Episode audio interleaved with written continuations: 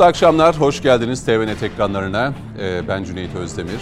Bugün de bu akşamda yine öne çıkan başlıkları hem dünyada hem de ülkemizde öne çıkan başlıkları konuşacağız. Daimi konuklarımızla birlikte ee, hemen onları takdim etmek istiyorum. Yeni Şafak gazetesi yazarı aynı zamanda denbir.com genel yayın yönetmeni, denbirhaber.com e, genel yayın yönetmeni Sayın Mehmet Metiner hoş geldiniz. Hayırlı Hoş olsun bulduk, dernek ve vakıftan sonra. Evet yani güçlü bir platform hem haber hem fikri bir platform. Sadece haber sitesi değil. Ee, girişim dergisiyle başlattığımız, yeni zeminle sürdürdüğümüz, sözleşmeyle taşlandırdığımız o düşünsel çizginin devamı niteliğinde e, çok da güçlü bir fikri, düşünsel platform inşallah. Çok güzel işler yapacağız. Tekrar hayırlı olsun, daim olsun Amin. diyorum ve e, Star gazetesi yazarı, güvenlik ve terör uzmanı Coşkun Başbuğ da bizlerle beraber. Coşkun Bey siz de hoş geldiniz. Hoş bulduk Cüneyt. İyi akşamlar, iyi yayınlar. Teşekkür ederim. Yine Gazze ile başlayacağız ve iç siyaseti de e, bugün konuklarımızla birlikte değerlendireceğiz. Yine sohbet havasında çaylarımızı aldık biz. Siz de ekran başında, aynı zamanda radyo başında bizi dinleyen TVNet radyo e, dinleyicilerine de buradan selam olsun diyelim. Hem ekran başında hem radyo başında e, bizleri takip ederseniz gündeminde geride, gerisinde kalmamış olursunuz. Komutanım sizle başlayalım. Ee, bu Mossad'ın e, Hamaslılara yönelik başta Katar, Lübnan ve Türkiye olmak üzere böyle bazı e, faaliyetlere e, gireceği ve bu ülkelerde bulunan tüm Hamas üyelerinin Mossad tarafından öldürüleceği mi diyelim, ne diyelim, operasyonla yakalanacağı mı, yok edileceği mi diyelim. Şimdi Bu e, haberler çıktı ve ardından dış işlerinden hem de bizim MİT'ten hatta Sayın Cumhurbaşkanı'ndan da İsrail'e e, böyle bir şey aklınızdan bile geçirmeyin. Bunun sonuçları çok ağır olur. Bedelini ağır ödersiniz şeklinde hem dış işlerinden hem MİT'ten hem de Sayın Cumhurbaşkanı'ndan bu açıklamalar geldi. E, İsrail Türkiye'yi bilmiyor mu? işte tam da zaten oradan ben başlık açacaktım. E, dedin ya aklınızdan dahi geçirmeyin diye ikaz ve ihtar var diye. Merak etme onlar aklından dahi geçirmiyor. Yani burada öyle operasyon yapmak. e, Türkiye'de gelip de Hamas elemanlarına neyse onun tanımı e, Türkiye'nin göbeğinde e, öyle katliam gerçekleştirmek Mossad'ın boyunu aşar. Mossad denen çapulcu zaten senden benden iyi biliyor bir şey yapamayacağını. Neden? Bak daha geçen hafta bir haberle e, aslında gündem oluştu. Bana göre hak ettiği yeri de bulmadı o haber. Bir dahi Kassam Tugay içerisinde bir Ömer isimli gencimiz demir kubbe denilen yapının yazılımına giriyor. Ve yazılımı çökertiyor ve hani kendini vurdu ya demir kubbe. İşte o tarz birçok eyleme imza atıyor. 2015'ten beri Mossad Peşinde. kare kare bu adamı arıyor. Ve çok tuzaklar kuruluyor. Norveç'te bir firma sözde bir ticari firma Ömer'i buluyor. Çok yüksek paralarla. İşte gelirsen sana böyle iş ve gelecek ve işte yaşam vaat ediyoruz gibi söylemlerde bulunuyor. Ömer uyanık, kurnaz, düşmüyor tuzağa. Teşekkür edip ayrılıyor. Ardından bir başka ülke gene e, aynı yöntemle Mossad başka ülkelerden bu yöntemleri deniyor. Olmuyor. Ve bu bahsettiğimiz gencimiz bir e, Malezya ti- turistik ziyarette Evet, bulunuyor. evet. Malezya'dayken 11 tane Mossad ajanı Ömer'e bir şekilde ulaşıyorlar ve Ömer'i bir oldu bittiyle Malezya'da ormanlık bir bölgede bir eve götürüyorlar. Amaç orada sorgulamak, o bulamadıkları e, saldırıyı nasıl yaptığını öğrenmek. Hatta bana göre eğer e, işler iyi ve yolunda giderse Ömer'i bir şekilde İsrail'e götürüp e, zorla, cebirle, şiddetle kendi lehine kullanmak. Çünkü bir dahi gerçekten. Şimdi tam bunlar konuşulur, planlanırken ani bir operasyon 11 tane Mossad'ın o çapulcusunu birbirine düğümleyip İsrail'in göbeğine bırakan Milli İstihbarat Teşkilatımız. Hadi evinize gidin kumda oynayın diye. Ve Ömer'i o 11 tane caninin elinden kurtaran Milli İstihbarat Teşkilatımız. Şimdi sen daha Malezya'da veya diğer coğrafyalarda e, bu işi bitirememişken, MIT'in ensende olduğunu daha hissedememişken, Bak Ömer'i 2015'ten bu yana Bu Ömer meselesi e, İsrail'de bir yara oluşturmuş galiba. heh, daha çok yaraları var. Yani o yüzden mi Mossad aracılığıyla Netanyahu o, başta bizle beraber e, Katar'ı da içeriği karıştırmak. Amaç o değil mi? Şimdi geleceğim oraya. Ni, hani e, önce bir Mossad'ın cürmünden bahsedelim. Ondan sonra o cürümdeki bir yapı nasıl olur da böyle bir cümleyi kurmaya cesaret edebilir. Buna başlık açalım. Şimdi Ömer e, 2015'ten beri Milli İstihbarat Teşkilatımız tarafından uzaktan korunan ve kollanan bir kişi. Ve korunup kollandığından Mossad habersiz. Tam bitti, yakaladık derken hop enselerinde bizim yiğitler bitiyor. Şimdi Mossad olarak şunu ben sorgularım. Derim ki ya kardeşim 2015'ten beri dibimizdeki adam MIT'in sürekli gözetimindeymiş. Biz tam iş bitti derken adamlar pat mantar gibi biti verdiler ve bize e, argo tabir etek giydirip geri gönderdiler. Bu nasıl bir yaman e, farktır aramızdaki diye sorgularım ya. Artı bir de o da değil. Yani bugüne kadar şu son yıllarda FETÖ sonrası Birleşik Arap Emirlikleri, Suudi Arabistan, İran, İsrail böyle e, kendi akıllarınca operasyon kurmaya kalkıp da tokat yemediler mi? Milli İstihbarat Teşkilatı'nın haberleri taşıdınız Evet, işte. evet. Yani bu, bu- şimdi bu kadar örnek varken Mossad'ın durup da bir anda ortalığa bu cümleyi sarf etmesi başka bir niyet taşımalı. Komutanım şey aklıma geldi. Birkaç yıl öncesinde İslam'da yapılan operasyonlar vardı biliyorsunuz. onu Mossad söylüyorum. adına yakalananlar da oldu. Hatta davalar da devam ediyor şu anda biliyorsunuz. işte onu söylüyorum. Yani İran operasyon çekmeye kalktı. Tepesinde MIT. Mossad operasyon e, çekmeye kalktı. Tepesinde MIT. Birleşik Arap Emirlikleri, Suudi Arabistan yani hangi ülke niyetine girse hop paketlenip gidiyorlar. Niye? Çünkü FETÖ yok ki içimizde. O alçak şebeke yok ki. Benim istihbaratçı, asker, subay, hakim, polis diye bildiğim o alçak hain sürüsü yok ki içimizde. Temizlendi, ayıklandı Allah'a şükür. Dolayısıyla eskiden de o. Şimdi o rüyayla mı yoksa hala ayağı yere basmayıp bir fantazi dünyasında mı ne olduğu bilinmez. Mossad böyle bir cümleyi kurdu İsrail adına. Şimdi bence bu cümlenin arka Bizim plan- bu uyarıyı yapmamız da aslında gerekliydi değil mi? Elbette sen bunun altında kalamazsın. Oradan öyle üç kuruşluk aklıyla lan şurada 50 yıllık bir devlet ömrün var senin. Hangi akla hizmet e, 3000 yıllık devlete ayar çekmeye kalkıyorsun? E, daha kuş kadar aklın yok. Şimdi böylesi bir çıkışın muhakkak bir cevabı olmalı ve en yüksek perdeden de verdik. Ama ben şu tehlikeyi burada e, hatırlatmak Nedir isterim o? sevgili Cüneyt. Şimdi Mossad evet bir çapulcu sürüsü yerlerde sürünüyor. Sen daha adam ol. Gazze'deki bir istihbaratını elde et de ondan sonra gel Türkiye'de iş bitirmeye kalk. Gazze'nin daha hakkını verememişsin. Şimdi Mossad denilen bir böylesi yapı bu cümleyi e, kurduğunda da başına ne geleceğini bilecek kadar da kurnaz her ne kadar böyle çapulcu desek de. Ha, o halde niye bu cümle kuruldu? Bakın e, Türk Tabipler Birliği diye bir yapımız vardı bizim. Ne Türktü, ne tabipti, ne de birlikti. Bir ucube yapı tepede ve bir hain kadro. Bir fincancı mı ne bir hani kendi ordusuna e, laf ara- e, iftira atacak kadar da alçakça bir karakterle e, bir yalanla ortaya çıktı ve o zaman şunu biz ürettik. Dedik ya kimdir bu, nedir, niye bu lafı söylüyor? Ben o zaman da bir başlık açtım. Dedim ki bu fincancı denilen e, hain bu cümleyi sarf ederken zaten bu tepki alacağını biliyor. Ama yuların ucundakiler istediği için söylemek zorunda. Yuların ucundaki de şunun için söyletiyor. Gelecekte FETÖ tarzı bir darbe veya işte benzer bir yapı iş başına gelirse Niye diyoruz biz seçimler millette e, beka meselesi bu iş diye? Öyle bir müzahir yapı gelirse ileride Türkiye'yi dünya kamuoyu önünde kardeşim işte bunlar e, kimi yasaklı silahlar kullanıyorlar. Kimyasal silah kullanıyorlar. Bunda ben değil ha. O devletin başındaki koca tabiplerin birliği başkanı söylüyor diye mahkemede delil sunarlar mı? Sence? Sunarlar E, ve sunmak için zaten bunu yapıyorlar. Şimdi Mossad da gene bu cümleyi bana göre ileride Türkiye'yi hani tırnak içine söylüyorum Hamas terör örgütü diyor ya Mossad kendi aklınca ve İsrail. İleride Türkiye'yi teröre destek veren bir yapı olarak göstermek için kasten kuruyorlar. Çünkü bir yarım hesap var. MİT tırlar hesabı var.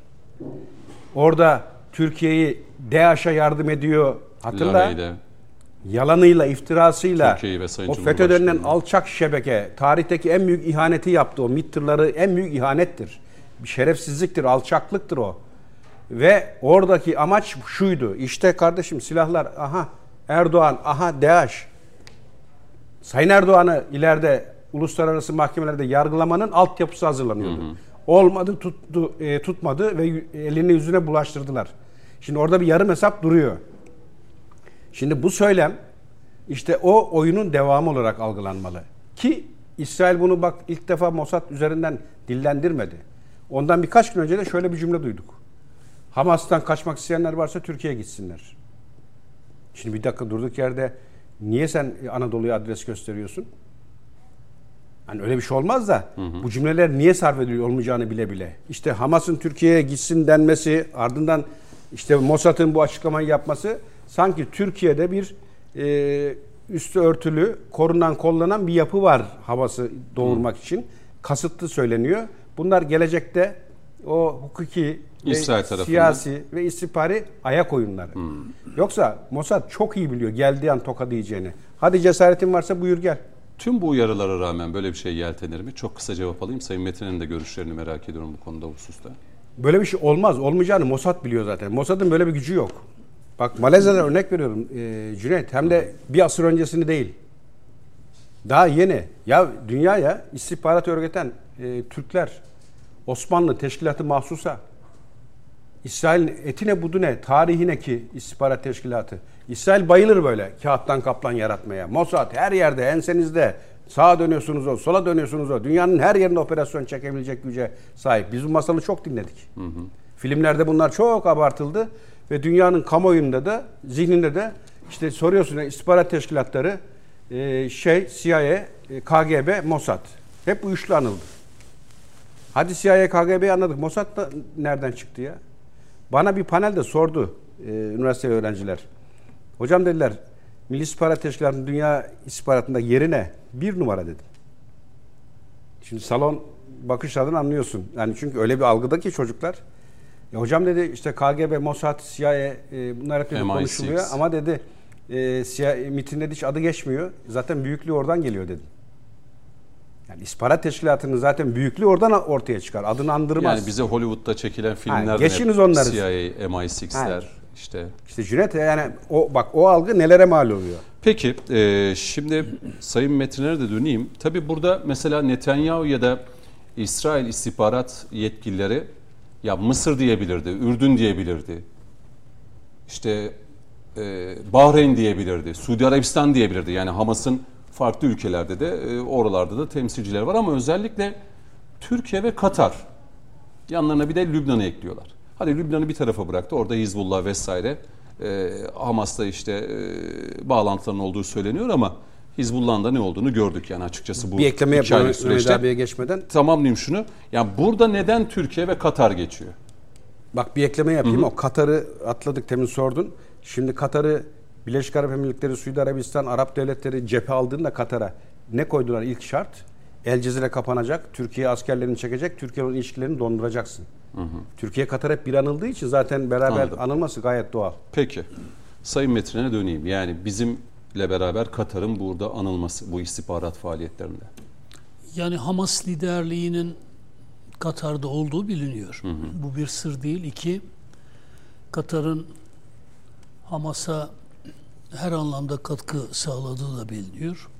Türkiye'nin İslam aleminde hatta bütün bir dünyada en yüksek sesle, en üst perdeden e, işgalci, Siyonist rejime e, itiraz ettiğini, eleştirdiğini ve bu bağlamda da Hamas'ı halkının kurtuluşu için çalışan bir cihat örgütü olarak gördüğünü hı hı. biliyor. Bu bu söylemlerden tabii ki rahatsızlar.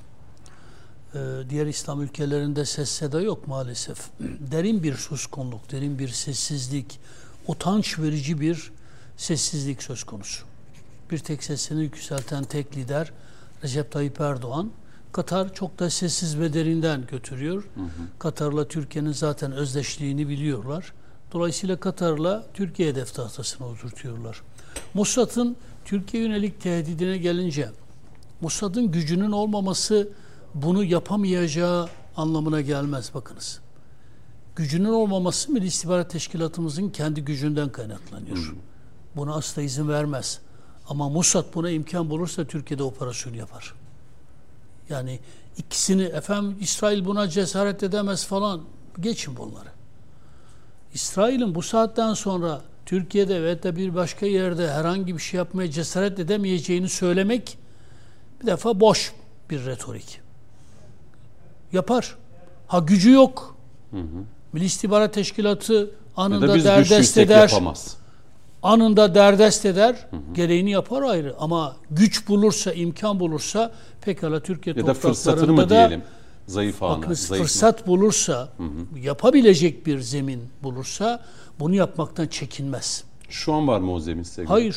Yani Milli İstihbarat Teşkilatımız güçlü olduğu için yani zaten birçok istihbarat örgütlerinin elemanları anında derdest ediliyor, takip ediliyor. Bu anlamda Milli İstihbarat Teşkilatımızın teknik takibinin ötesinde her türlü e, istihbari faaliyeti, e, kontr istihbari faaliyetleri çok çok güçlü.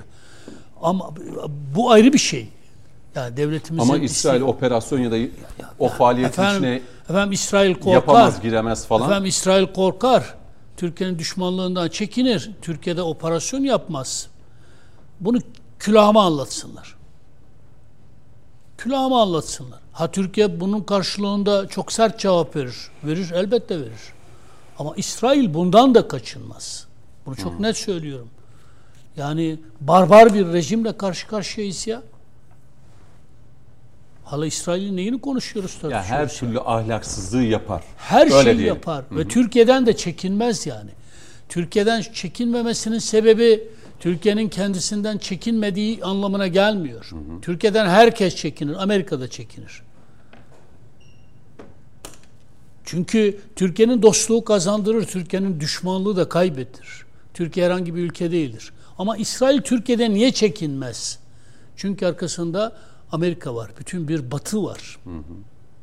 Tek başına e, Türkiye'nin adını bile telaffuz ederken tırsar yani İsrail. Kim İsrail ya? Elindeki nükleer silahlara rağmen bile İsrail kim ki ya? Bir avuç mücahit bile iki aydan fazla bir süredir İsrail'i boğdu yani. İstediği kadar öldürsünler. Evet. Gazze'yi de ele geçirsinler.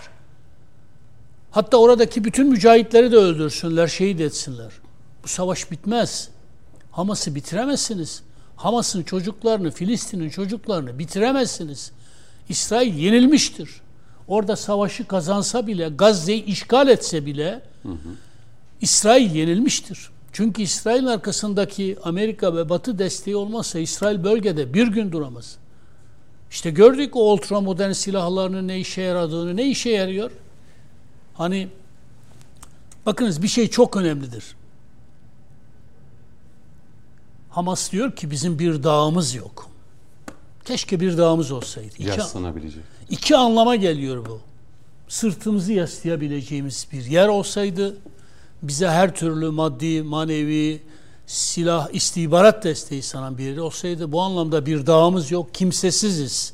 Bu ümmetin öksüzleriyiz, yetimleriyiz diyor. İki, somut anlamda, müşahhas anlamda da, bakınız Gazze'de dağlar olsaydı var ya, Türkiye'nin dağlarına benzer dağlar olsaydı, Afganistan'ın dağlarına benzer hmm. dağlar olsaydı var ya değil İsrail binlerce Amerika gelseydi gene o mücahitleri yenemezdi. Coğrafi şartlar ve arazi Tabii ki şartları. ama işte dümdüz evet. bir arazi denizle çevrelenmiş bir arazi denizden Amerikan donanması tarafından bloke edilmiş. Karadan bir Mısır'dan giriş var. Zaten Mısır izin vermiyor. Bir de İsrail topraklarından giriş var. Buna rağmen iki aydan fazladır direnen bir İzzettin El Kassam Tugayları var ya. Gencecik çocuklar bunlar biliyor musunuz? Çoğu da şimdi kendi füzelerini kendileri yapıyorlar, kendi mühimmatlarını da kendileri yapıyorlar. Bir bir şey daha söyleyeyim. Bosna Hersek'te iç savaş başladığında mücahitlerin safına katılabilecek çok katılan çok insan oldu her yerden. Çünkü oraya ulaşmak bir biçimde mümkündü. Bir yolunu bulup ulaşabiliyordunuz. Ama bugün Gazze'ye ulaşmanın mümkün yolu yok Her ya. Abluka, hava.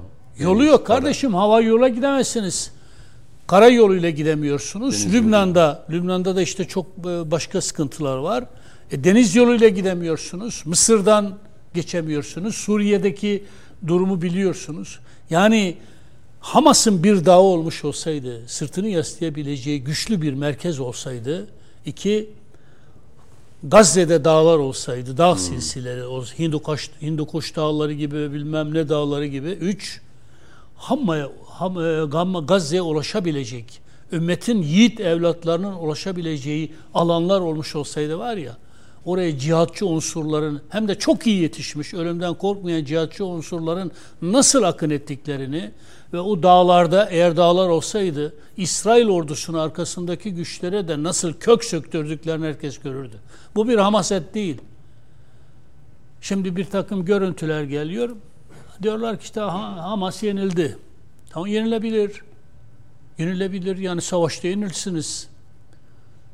Çocukları niye öldürüyorlar biliyor musunuz? Küvezdeki bebekleri bile niye öldürüyorlar biliyor musun? Çünkü onlar büyüdüklerinde Tabii. Bugün İzzettin El-Kasam Tugaylarının yaptığını yapacaklarını biliyorlar. Birer Ebu Ubeyde olacaklarını biliyorlar. O yüzden öldürüyorlar. Çocuk Ve öldüren. İnsani aranın ardından yine çocuklar hedef. Bir şey daha söyleyeyim. Bakınız bu çok önemlidir yani. İsrail Türkiye'yi tehdit edebilme cüretini gösterebiliyor. Nasıl gösterebiliyor? Senin topraklarında barındırdığın Hamas yöneticilerine suikast yapıyor. Yapacağım diyor. Yapacağım diyor ya. Bu bir tehdittir yani. Bu büyük bir cürettir yani. Evet istihbarat örgütleri her yerde başka ülkelerin topraklarında da operasyon yaparlar ama bir bunu gizlerler. iki bunu zinhar açıklamazlar. Üç elemanları yakalandığında da onların elemanları olduğunu kabul etmezler. Zaten oraya infaz için, operasyon için gönderilen elemanlara dedikleri şey şudur yani. Siz yakalandığınızda sizin bizimle alakamız yoktur. Ama İsrail peşinen bütün bir dünya kamuoyunun önünde Gazze'de yapmış olduğu barbarlıktan nasıl cüret, cesaret alabiliyorsa Türkiye topraklarında suikast yapabileceğini bütün bir dünya ilan edebiliyor. Bu Sayın büyük bir cüret. tonu nasıldı açıklaması? Çok iyi. Ya Sayın Cumhurbaşkanımızın her anlamda direnişi, bakın siyasi direniştir bu. Ama bu ümmetin beklediği yeni bir Selahaddin Eyyubi'dir ya. Eyyub'un oğlu, Kürt Eyyub'un oğlu Selahaddin'dir ya. Selahaddinleri olmayan bir ümmet gerçekliğiyle karşı karşıyayız. Ve orada gözlerimizin önünde ya, dünkü yine Şafak gazetesindeki köşemde de yazdım. Gözlerimizin önünde çocuklar, bebekler öldürülüyor ya. Biz gece nasıl yatabiliyoruz Cüneyt'im ya? Nasıl yatabiliyoruz Ve ya? Gece eve eve gittiğimizde o çocuklarımıza nasıl sarılabiliyoruz acı olan ya? Da, Ve ümmet e, nerede diye. Sadık demek istemiyorum da. Ümmet nerede diyor kadın ya? Evladının başı üzerinde bağıran kadın ümmet hala ümmet arıyor ya. Evet, ümmet dolar oldu, dolar. Ümmet petrol oldu. Şundan korkuyorlar. Çünkü bütün servetleri Avrupa'da, Amerika'da. Oradaki büyük şirketlerin büyük bir kısmında hisseleri var. Çünkü göbekten bağlılar. Diyorlar ki biz İsrail'i karşımıza alırsak, Amerika'yı karşımıza alırsak, Batı dünyasını karşımıza alırsak bütün servetlerimize el koyarlar. Dünyevi imkanlarımız, nimetlerimiz berhava olur. Veya ekonomik ilişkilerimiz bozulur. Batıdan gelecek sermaye akışı durur. Veya ekonomik bir sıkıntı içindeyiz zaten çok daha başka sıkıntılarla karşı karşıyabiliriz. Kendi toplumumuzda da başka. Hı hı. Şimdi dolayısıyla İsrail'i tek başına İsrail'den ibaret görmemek lazım. Bir batı cephesinin ileri karakoludur, tetikçisidir ve o ileri karakola Hamas'ın bir avuç mücahidi iki aydan fazladır cansiperane e, direnç gösteriyor ve bugüne kadar da İsrail ordusu e, evet işgal etti, evet Gazze'ye girdi ama göreceksiniz Gazze İsrail'in Vietnam olacaktır. İstersen nükleer silahlarını kullansın. Ama beni üzen tek nokta evet Türkiye'den çok sert cevap verildi. Ama bedeli ağır olur, sonuçları çok, ağır olur. Çok açık ve cüretkar bir biçimde bizim ülkemizin topraklarında operasyon yapabileceklerini açıklama cüretinde bulundular. Evet. Çok bu bu dünya tarihinde görülen bir şey değil. Bu cesareti nereden aldılar? Velev ki yaptılar. Ne olur? Onu bilmiyorum yapıldıktan sonra. Şimdi şimdiden bir şey söylemek mümkün değil. Ya bu tür şeyler savaş sebebi midir? Ne, yani Savaş sebebi olmaz da e, operasyona E, operasyona karşılık verirsin. Ki zaten işte daha önceki Ne- saydığın nasıl olaylar. mesela- nasıl karşılık verebilirsin? Şöyle illa Yani gidip orada bir operasyon yapacak halin yok. Operasyona giriştiği an hani senin az önce örnek verdiğin olaylar vardı ya. Geçen sene bunlar oldu diye. Evet. Hemen derdest ediyorsun, sınır dışı ediyorsun ve e, dünya Bir nezdinde dakika. Mossad'ın dünya mesela... nezdi nedir ya? Dünya nezdi nedir? Hangi yo. Hayır, dünya bir nezdi? usulü Şunu söylüyorum. merak. Mesela Nasıl Mossad'ın diyelim ki ajanlarını yakaladın. Sınır dışı mı ediyorsun, İsrail'e mi teslim ediyorsun yoksa bu ülkede e, yar, ülkede, yargılarsın. yargılayıp Yargılananlar var zaten. Tutuk- Savaş sebebi değil onu söyleyeyim. Mossad adına çalışanlardı biraz. Onlar şey e, kökenleri farklıydı. Zaten Türk gene kökenli çoğu. Evet, Türk kökenli var. İçinde Afrika kökenli olanlar var. zaten genelde büyük ihtimalle öyle bir maşa aracı kullanacaklar. Hmm. Yani böyle doğrudan gelip de hiçbir istihbarat örgütü kendi elemanıyla yani çok kritik bir operasyon olmadığı sürece sahnede varlık göstermez. İçerideki Bizim takım- Türkiye olarak elimizi kolumuzu bağlayan ne biliyor musun? Nedir? Bir, henüz güçlü bir ekonomiye sahip olmamamız. İki, En İsrail, kırılgan yanımız orası değil mi? şu an en kırılgan yanımız bu. Ekonomik göstergelerimizde bir değişiklik olduğunda biraz daha gelirlerimizden düşüş olduğunda toplum bile isyan eder ya. Hamas için değer miydi bu? Suriyeliler için değer miydi? Hamas'tan bize ne, Filistin'den bize ne diye bunun siyasi faturasını reise çıkartacaklar. Devlete çıkartacaklar. Onun için yani e, real politik dediğim, hiç sevmediğim bir gerçekliği de kimse göz ardı etmeden Türk hükümetinin Cumhurbaşkanımızın yapıp ettiğini bakın Cumhurbaşkanımız söylemleri bile bile var ya siyasi bir cihat başlatmış durumda. Bunun bunun bedelini ödüyor Türkiye. Kimse farkında değil. Niye batıdan çok ciddi miktarda bir sermaye akışı, yatırım vesaire gelmedi? Niye gelmedi? Körfez ülkelerinden kısmen geliyor ama batıdan yok. Niye? Çünkü o sermayeye vasiyet eden, hükümran olan işte o İsrail lobisi. O Siyonistli bu lobi. Onlar muslukları kestiği andan itibaren. Şimdi bu yüzden Türkiye'nin gerçekliğini bilmeden e, Erdoğan'ın buna rağmen e, sürdürdüğü siyasi cihadın kıymetini bilmeden, siyasi cihat kelimesini bilerek kullanıyorum. Türkiye'yi suçlayanlar haksızlık ediyorlar. Efendim Azerbaycan petrolü Türkiye üzerinden hala İsrail'e gidiyormuş. Efendim Azerbaycan niye İsrail'le ilişkisini sürdürüyor? Bunlar yani dışarıdan baktığında, kağıt üstünde baktığında çok haklı gibi görünen eleştiriler ama işin gerçekliği ne yazık ki önümüze başka tablo koyuyor. O yüzden ne yapıp edip güçlenmemiz lazım. Bakınız. Peki, bu ben, önemli. Ben iki gün önce Makine Kimya Endüstrisi Genel Müdürümüz İlhami Keleş'le beraberdim. Kendisini buradan selamlıyorum. Ne çok şeyler yapmışız ya.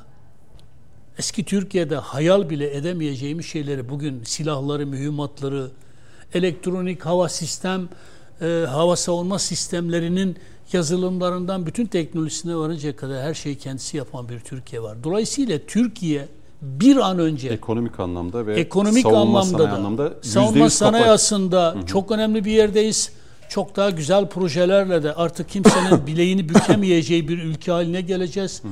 Yani o ürettikleri şeyleri gördüm ben orada. Bana da anlattı İlhami Keleş müdürümüz. Ee, bir de ekonomik anlamda güçlenirsek var ya, bu yüzden zaten Türkiye'nin ekonomisini hedef alıyorlar.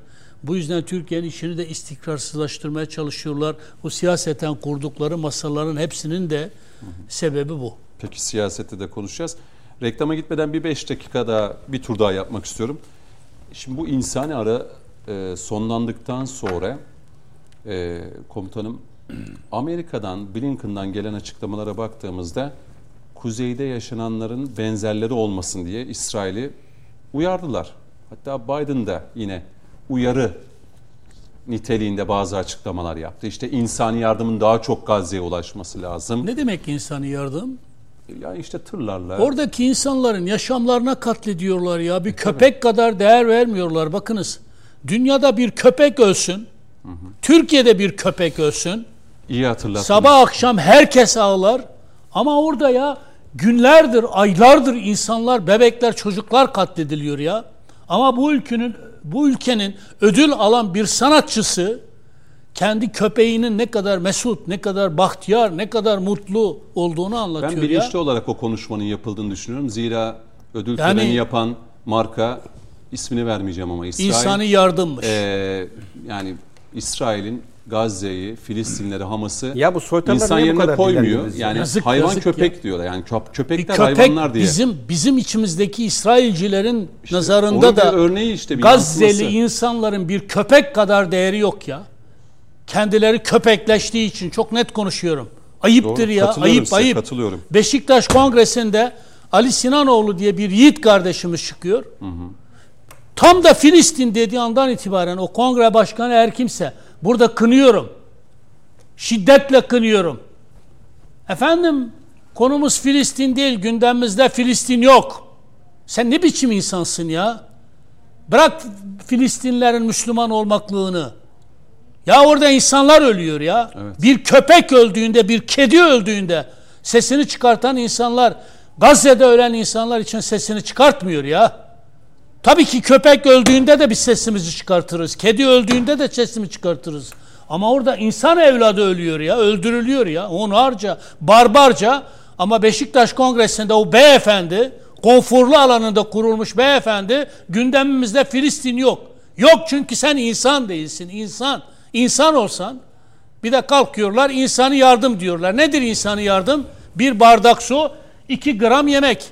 Beş dakika sonra da o beş beş dakika sonra da suyla beslediğin insanı öldürüyorsun. Bu mudur insanı yardım ya? Daha da vahimi olan e, Dışişleri Bakanlığı Sözcüsü, komutanım sana süreyi vereceğim, reklam öyle gideceğim. Daha da vahim olanı yani bu insani yardımın ötesinde Amerikan Dışişleri Bakanlığı Sözcüsü Matthew Miller, İsrail'in Gazze'de sivilleri ve çocukları öldürdüğüne dair kanıt göremedik diye bir açıklama yaptı. Yani bilerek isteyerek öldürdüklerine dair bir kanıt. Evet aynen yani bunu söyleyen Amerikan Dışişleri Bakanlığı Sözcüsü. Biz de bir ara hani Tanju Bilgiç'ti e, Dışişleri Bakanlığı Sözcüsü. Yani açıklama yapan sıradan birisi değil. Diyor ki bir daha söyleyeyim. İsrail'in Gazze'de sivillere yönelik, kadınlara, çocuklara yönelik e, saldırılarına dair kanıt görmedik diyor. Sen şimdi diyorsun ki küfret komutanım bunlara ama ekran önünde olmayacağı için ben o duygumu içime Hocam, atıyorum ve Malayca dilinde küfür edebilirsin. Ben, he, içime Şimdi- atıyorum. İzleyenler ve dinleyenler e, duygularımı anlıyordur ama şunu söyleyeyim. Hani az önce bir soytarıdan bahsettik. Sanatçı diye çıkmış. Ondan sonra işte köpeğim şöyle böyle. Loli. Niye konuşuyoruz ya biz Ben bu orada şunu şöyle söyleyeyim. Ben bilinçli yapılmış bir Hayır, konuşma olduğunu Ben düşünüyorum. orada seninle hemfikirim. yani söyleyeyim bu Kasten ve ödülü bilerek. hazırlayan Niye? bir İsrail firması. Bir Niye? suikast ya bu. Yani- Niye? Bu tasmanın ucundaki öyle istiyor. Ama bu Onu arada oraya ödül getiren- törenindeki e, bir gitaristi galiba. Gazze'li çocuklara bu ödülü dedi atfediyorum. Bak, diğerlerini ben- Bravo. diğerlerini ben Yo, yo, ayırıyorum. O kimdir? Bu, Adı neydi? sana- Hemen onu bulsunlar. Muhteşem. Şu Gerçekten- Madrigal'in Madrigal diye bir grubun sen, gitaristi seni galiba. ilk defa duydum ama Bir hemen sen, o, öğrenelim sen onu. o yüreğinden öpüyorum ya. Bak ben İyi ki varsın gerçekten kardeşim. sanatçı olan, gerçekten bizim olanları ayrı tutuyorum. Onlar zaten insan gibi insan olarak davranıyorlar ve tepkilerini ortaya koyuyorlar. Mesela e, az önce Mehmet abinin bahsettiği Beşiktaş'ta o yöneticimiz. Alnından öpüyorum. Diğer kınayanı da lanetliyorum. Bak la- lanetliyorum diğer yapanı. Yine aynı şekilde sanatçıyım diye ortalıkta gezen o soytarı. Ya konuşmak bile yersiz. Yani kimdir nedir ben bilmem. Bir ucube çıktı. Bir ödül verilmiş. Ne ödül olduğunu da bilmiyorum. Ve çıkmış. Köpeğim de köpeğim. Salondan tepki koyan var mı? Alkışlıyorlar bir de. Ha. Ha bütün salon aynı statüye girdi şimdi. Hatırlar mısın? Bir Bir az- şey daha söyleyeceğim isim vermeden ama. Bilkent Üniversitesi için bir şey söyleyeceğim. Onu da bitirsin Peki, ondan sonra. tamam. Şimdi fincan denilen bir vatan haininden bahsettim. Alçakça bir saldırı yaptı. İlk günden beri lanetliyorum. O ödülü ona atfen aldın diyen bir başka soytarı vardı. Sanat şimdi ortalıkta geziyor. Bir tane yiğit çıktı. Barış. Barış herhalde değil mi? Evet. Heh. Aslanlar gibi dedi ki sen ne yapıyorsun? Kimsin sen dedi ya. Orada da bütün salon bu söyleyen yiğide tepki koydu. Söyleyeni alkışladılar. Dolayısıyla oraya gelenleri hani bu sanatçı ödül vesaire iyi ayırmak lazım. O sanatçı kimliğine onu kim getirdi? O medya kuruluşları nasıl destek verdi de oralara geldi? Ve oralara getiren bunu ne için oraya getirdi?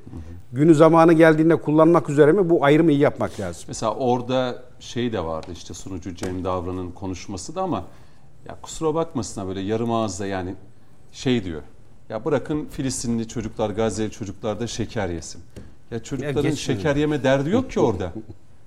Yani çocukların orada derdi büyüme. Aklımızla ya alay ediyorlar. Çocuklar Cüneyt. büyüsünler ya. Aklımızla alay ediyorlar. Ya Hanzala'yı Hanzala'yı biliyoruz. çocukları Hanzala, büyümeden ölüyorlar ya. Büyümeden ölüyorlar kardeşim. Şu an İzz- ben biliyorum ya İzzettin El Kasam Togaylarının tamamına yakını öksüz ve yetim çocuklar Doğru, ya. Doğru. Doğru.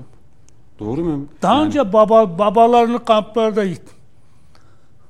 Bu nasıl bir utanmazlıktır ya? Bilkent Üniversitesi'nde bana ulaşan bir haber var. Yani burada üniversite rektörüne sesleniyorum, YÖK'e sesleniyorum. Bilkent çok saygın bir üniversitemiz. Tenzih ediyorum. Asıl eleştirmek için söylüyorum. Yabancı bir üniversite hocası ya. Gavurcasını mı? Carey, Cane, Bo- Bohnenkamp. Ya bir öğrenci evladımız bir şey yazıyor ya. Filistin'le ilgili bir cümle yazıyor ya Nerede? şeyde bir e, Derste. ev ödevinde Ha. derste İngilizce diyor ki ya şey ya yani keşke bir gece de El Şifa'da o hastanede ülkeleri tanıtırken yani Gazze'de El Şifa Hastanesi'nde. Vay sen misin bunu yazan? Senin bu ödevin geçmez. Olan bir şey, olmuş bir şey bu. Tabii canım e, o sınıfta derste. Ya ben ben sen bu ödevin böyle şey olur mu ya sevgili Bilkent Üniversitesi rektörü ya? Yani bu Kare, Jane, Bohnenkamp Allah'ım ya Rabbim yani hangi ülkede yaşıyoruz ya? Hangi ülkede yaşıyoruz ya? Kimin üniversitesi orası ya? Çok saygın bir üniversitesiniz. Takdir ediyoruz. İyi ki varsınız. Ama lütfen Filistin için ya velev ki yanlış bir şey olsa bile Filistin için, Gazze için yazılmış bir cümleden dolayı böyle bir tepki konulur mu? Ben o, o tepkiden sonra derste sınıftaki öğrencilerin hepsinin alkışlarla protesto ettiğini söylediler bana ya. Tebrik ediyorum öğrencilerimizi gözlerinden öpüyorum. Ne bu ya? Gazze'den bahsediyorsun, Filistin'den bahsediyorsunuz, gündemimizde yok. Ne gündeminde senin kardeşim? Ne ne? Ne gündeminde? Bebekler öldürülüyor ya. Hadi hadi savaşçı unsurların öldürülmesini anlayabiliriz. Bebekler öldürülüyor. Ama dönüp bize diyorlar ki e Hamas saldırı yapmasaydı bu tüm bunlar olur muydu? Ya bir de böyle bir utanmazlık içindeler ya. Hamas'ı gene suçlayan Elbette biz demiyoruz insanlar günün 7-24 saati Gazze ile yatıp Gazze ile kalksın demiyoruz ama e, yeri geldiğinde e, fırsatı elinize geçirdiğinizde bu duyarlılığı, insani duruşu gittiğiniz bir toplantıda olabilir, panelde olabilir, ödül töreninde olabilir. E, bu- bunu hatırlatabilirsiniz ya da işte boykot yaparak o ürünleri almazsınız, o restorana girmezsiniz, o ama. Yeni Yüzyıl Üniversitesi ne yaptı biliyor bunu musunuz? hatırlatmak lazım. Bu farkındalığı Bakınız Yeni lazım. Yüzyıl Reklama Üniversitesi ne yaptı? Tebrik ediyorum akademik açılışında Filistinli Gazze'li bir üniversite öğrencisi kendi öğrencisini egal Akademik bunu giydirerek açılışta. evet çıkardı konuşturdu. Bravo. Yaşar Hacı Salihoğlu kardeşim rektörümüz çıkıp anlamlı bir konuşma yaptı Gazze ile ilgili, Filistin'le ilgili. Bu ülkenin üniversitesi bu ya. Peki, Böyle olmalı ya. Reklama gideceğim. Gitmeden şunu e, söyleyeyim. Bir, Yaşar Hacı Salih hocamı buradan yürekten kutluyorum. E, bu anlamlı tören için bir. İkincisi az önce hani dedin ya birisi çıkıp tepki koymaz mı diye. Tepki koyan kardeşimiz Barış Haktanır diye de e, bir yanlışlık yaptık. Burak Haktanır. Burak Haktanır, evet. Burak e, buradan tekrar e, alnından öpeyim o kardeşimi. Koca salonda aslan gibi dimdik çıktı. Tepkisini ortaya koydu. Bizim az önce sanatçı diye andığımız o soytar o konuşmayı yaptı. Salon alkışladı. Ya içinden bir tanesi sen ne diyorsun kardeşim demez mi ya? Veya kardeşim dünya neyi konuşuyor sen nerelerdesin demez mi demediler. O nedenle o salonun da kendi içinde bir muhasebe yapması gerektiğini düşünüyorum. Biz burada hani e, hamaset yapmıyoruz. Naklen bütün milletin huzurunda olan ve sosyal medyada da en çok eleştiri alan bir e, söylemi dillendiriyoruz. Doğru. Keşke o salonda o salon e, o bahsetmiş olduğum kişi o tepkiyi vereydi de biz de burada onları alkışlasaydık. Peki.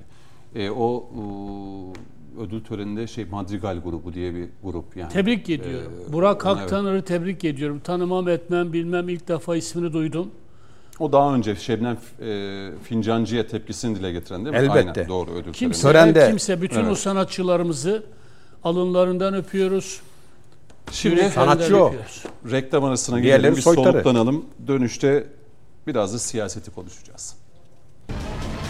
Evet konuşmak lazım devam ediyor. Mehmet Metiner ve Coşkun Başbuğ'la birlikte. Şimdi siyaseti konuşacağız. Ee, siyasette tabii ki İyi Parti ve CHP arasındaki e, ittifak ne olacak? Bu çok merak ediliyordu.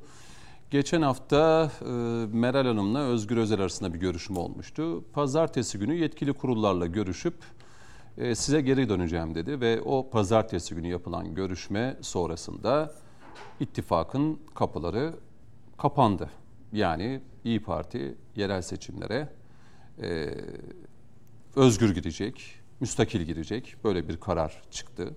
GİK toplantısında ki çoğunlukla oylama da yapıldı ve oylama sonucunda da böyle bir e, karar çıktı. Şimdi bundan sonrası ne olacak tabii bunu konuşacağız ama öncesinde e, Meral Hanım'ın bugün e, grup toplantısındaki e, sözlerinden de e, birkaç cümleyi sizlerle paylaşayım. Sonra Mehmet Metiner size sözü vereceğim. E, Meral Hanım şunları söyledi. Bir taraf başka türlü hakaret ediyor, öbür taraf başka türlü hakaret ediyor. İki tarafın da amacının İyi Parti'yi müstakil olarak seçime sokmamak olduğunu söylüyor. Yani iki taraf arasında herhalde Cumhur İttifakı ve e, CHP yönelik. Adına ittifak dedikleri manda ve himaye tuzağına geçit vermeyeceğiz diyen İyi Parti lideri Türk milletine ölümü gösterip sıtmaya razı eden bu maskeli baloya boyun eğmeyeceğiz diyor Sayın Metiner. Meral Akşener bugünkü grup toplantısında. Bu adına ittifak dedikleri manda ve himaye tuzağı için kime diyor bunu? Kendini diyor herhalde. Kendisinin de içinde olduğu ittifak düzeneğine söylüyor. Niye o zaman Cumhurbaşkanlığı seçiminde o ittifak düzen, düzeneğinin içinde yer aldı? Niye yer aldı? Yani bu, bu, bu ya Meral Hanım'ın bir dediği bir dediğini tutmuyor. Siyasi kimyası bozuldu onu anlayabiliyorum. Bir siyasetçi olarak anlayabiliyorum. Artık partisini tutmakta zorlanıyor. AK Parti tamamen paralize olmuş durumda. İşte e, İyi Parti tamamen paralize olmuş durumda. Şimdi sağa sola saldırarak kendisine yeni bir haklılık alanı oluşturmaya çalışıyor. Kimse bugüne kadar Meral Hanım'a hakaret etmedi yani. Ya Cumhur İttifakı'ndan Meral Hanım'a hele hele AK Parti cenahından hiç kimsenin hakaret ettiğini duymadım. Biz eleştirdik ama asla hakaret etmedik. Çünkü hakaretin kendisine karşıyız. Meral Hanım ne yapmaya çalışıyor? Şimdi daha önce bağımsız her ilde, her ilçede seçime gireceğini açıklamadı mı? O zaman evet. partisinin bir kararı yok muydu? Yani parti meclisinin bir kararı yok muydu? O Meral Hanım'ın kendi kişisel görüşü müydü? Parti meclisiyle görüşüldü, yetkili organlarıyla görüşüldü. Ondan sonra Meral Hanım bu kararını açıkladı. Tekrar yeniden ama genel başkan değişti CHP'de. Ya anladım da yani genel başkanın değişmesi CHP'nin değiştiği anlamına gelmiyor ki. Yani Meral Hanım hem Özgür Özel'i bilir hem Kemal Kılıçdaroğlu bilir hem de CHP'yi bilir yani. CHP'nin değişmeyeceğini yani sadece ve yalnızca isimlerin değişebileceğini bilemeyecek bir siyasetçi değil ki Meral Hanım. Şimdi 81 il başkanı ile yeniden istişare etmek ne demek? Parti meclisiyle yeniden istişare etmek ne demek? Buna gerek var mı? Böyle bir siyaset olmaz ki. Kendi partisi içerisine siyaseten bir canlı bomba koyuyor. Özgür Özel böyle bir teklifte bulunduğu için tekrar görüşelim diyor. Parti meclisine götürüyor. İl başkanlarıyla e, tekrar istişarelere oturuyor. Demek ki o güne kadar il başkanlarıyla herhangi bir istişare yapmadın mı? Parti yetkili organlarıyla herhangi bir istişare yapmadan mı Meral Hanım tek başına bu kararı verdi? Yani yönetememe sorunu var. Meral Hanım'ın artık kendi partisini peş yönetememe e, sorunu var ve peş peşe istifalar Bugün gelmeye başladı. E, bundan sonra da partisini tutamaz, tabanda tutamaz. Yani İstanbul'da, Ankara'da, Antalya'da, Mersin'de, İzmir'de İyi Parti tabanını nasıl tutacak?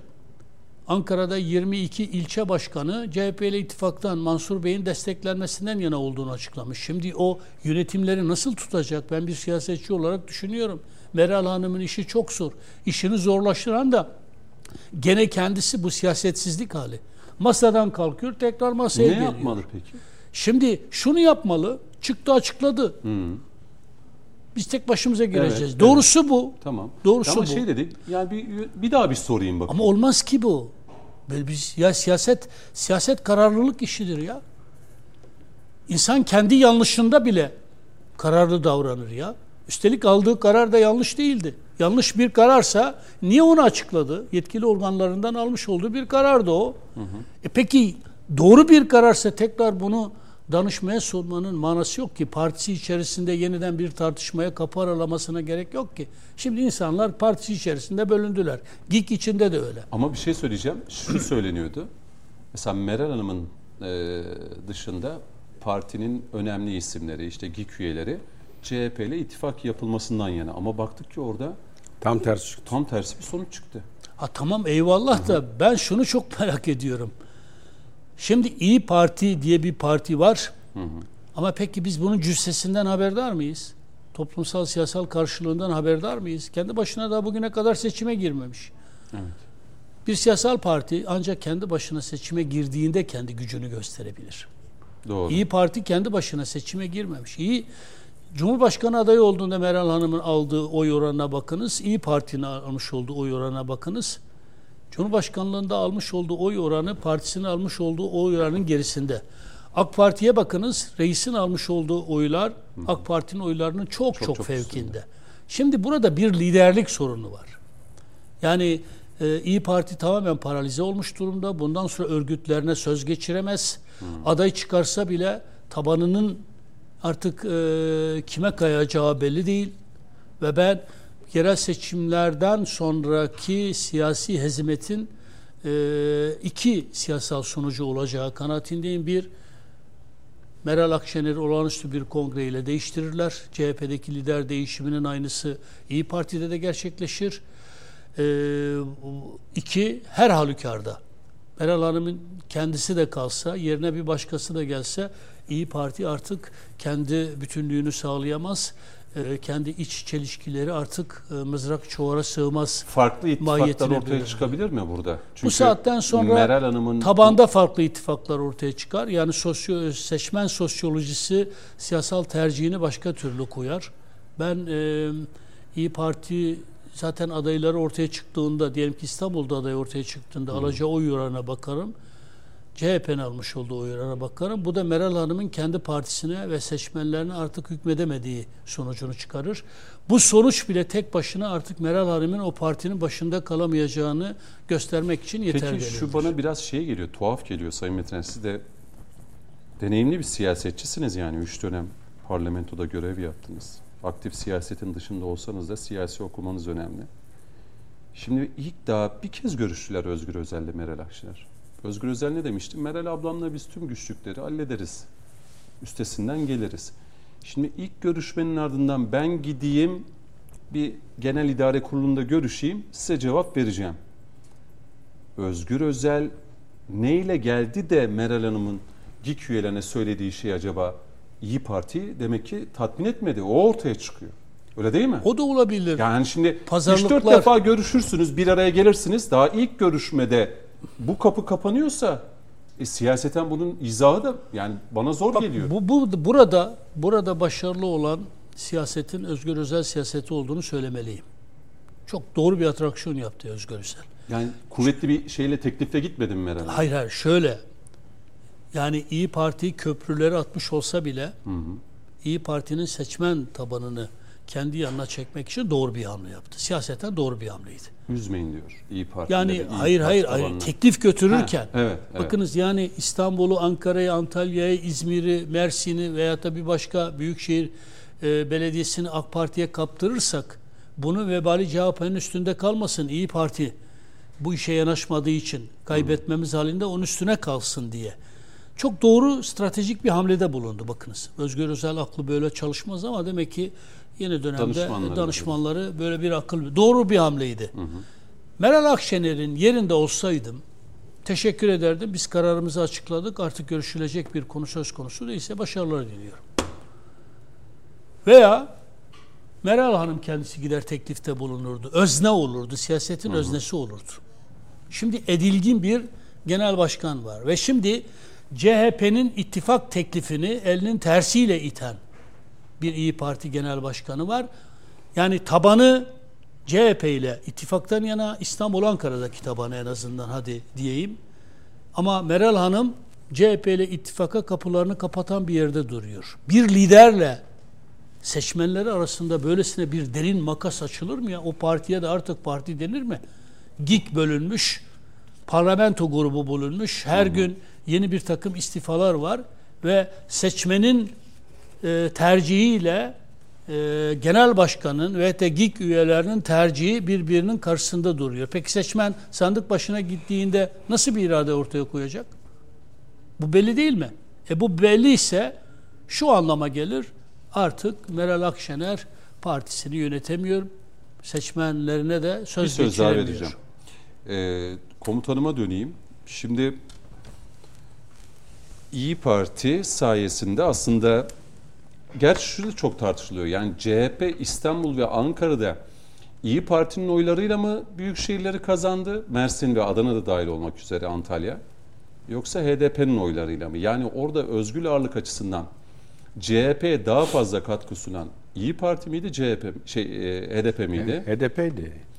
Dolayısıyla burada İyi Parti'nin kapıyı kapatmasıyla birlikte CHP için hangi yollar açık şu Yani anda? İstanbul, Adana, e, İzmir ve Mersin'de HDP'ydi ama Ankara'da İyi Parti'ydi. İyi Parti'de. Peki komutanıma döneyim. Yani CHP için şimdi hangi yollar açık? Ee, yani HDP'le daha görüşme imkanı, daha rahat görüşme imkanı olacaktır. İyi Parti hep bir şey yapıyordu. Maraza çıkarıyordu orada. Çıkardığını zannediyorduk. Ya da ha, öyle diye.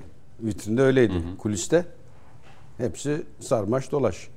Şimdi e, o aynı İyi Parti değil mi? Gene seçimlerde işte genel seçimlerde HDP ile CHP ile aynı masada el ele verip meydanlara çıkan. Şimdi az önce e, senin okumandan benim anladığım hani bir mandadan bahsediyor. İttifak denen diyor. Şimdi orada Mehmet abinin dediği gibi bu masa kurulduğundan beri biz haykırıyoruz. Manda ve himaye tuzağına geçit vermeyeceğiz. Bak diyor. biz kurulduğu günden beri haykırıyoruz. Diyoruz ki ya bu masa dışarıdan güdümlü kurulan bir masadır. Aynen. Bir manda masasıdır. Bir dışarıdan güdümlü masadır diyorduk. Öyle olduğu da ortaya çıktı. O zaman neredeydin Sayın Akşener? İnsanları kandırdın. Milliyetçiyiz, muhafazakarız. Gelin buraya önemli şeyler yapacağız dedin. Her şey bitmiş. Masa bana göre kontrollü bir şekilde dağıtıldı. Tekrar toplanacak da şimdi çıkmış mandadan, ittifaktan ve onun mahsullarından bahsediyor. Dolayısıyla samimi değilsiniz. Ve benim sorguladığım gibi hem kendi tabanı hem e, seçmen kitlesi de sorguluyor. Neden? Çünkü e, bak bugün bile istifa aldı Cüneyt. Evet, İyi evet. Parti'den. Daha da olacakmış gibi. Yani Bak öyle söyleniyor. arkası geliyor. Ankara'da. Hatırlar mısın biz burada gene konuştuk. Konuşmak lazım dedik, dillendirdik. Ve şöyle bir tablo çizmiştik. Dedik ki yerel seçim yaklaştığında beklentiler bitince karpuz gibi dağıldığını göreceğiz dedik partilerin. Niye o zamana kadar bu süreyi öngörmedik? Çünkü dedik ki herkesin iyi kötü bir gelecek beklentisi var. Kimi vekillik, kimi başkanlık, kimi parti içinde bir siyasi kariyer görev. Bu beklentiler bittiği an kıyamet kopacak dedik. Öyle de oldu. Şimdi İyi Parti mesela GİK sağ bir parti. Sağ partilerde genelde meyil şu. Lider odaklıdır. Lider ne derse kuraldır. Üzerine laf söylenmez.